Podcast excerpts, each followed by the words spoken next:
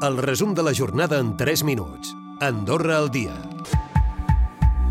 Aquesta jornada de dijous ha estat marcada pel turisme perquè anem camí d'assolir una nova temporada de rècord. Ho ha explicat avui el director d'Andorra Turisme, Betim Butzaco, afirmant que hi ha hagut 5 milions de llits d'hotel que han fet preveure la millor temporada de la història. Ara cal mantenir aquest ritme.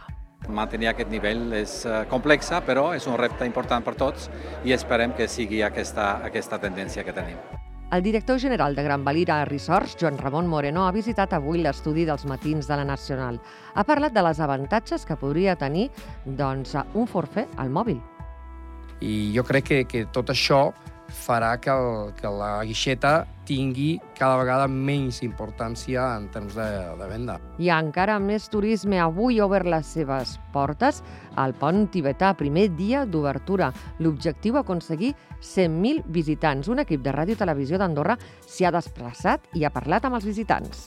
Vam estar aquí l'any passat, al, a començaments de juny, quan faltava re una setmana perquè l'inauguressin. Y aquí hemos venido a verlo, el puente, que al principio se ve muy seguro, y vamos, bien.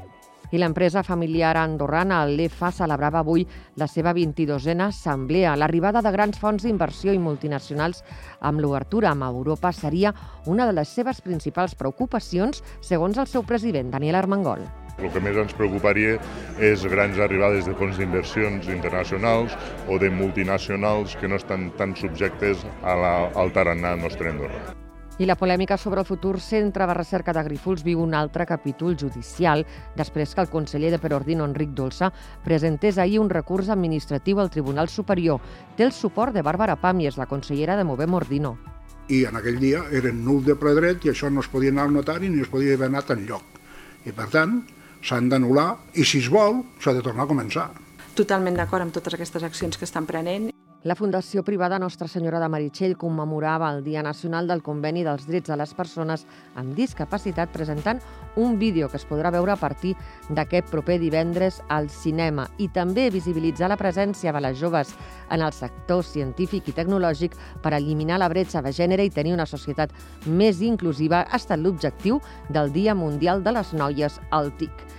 I acabarem parlant del periodista i investigador Jorge Cebrián, que en aquest proper projecte que prepara amb la productora Cucut s'endinsa en la vida d'un dels personatges més literaris del país, Boris I, rei d'Andorra. a través dels documents públics que hi han, privats, també dels serveis secrets, mostrarem el que realment va passar. Recupera el resum de la jornada cada dia a AndorraDifusió.d i a les plataformes de podcast.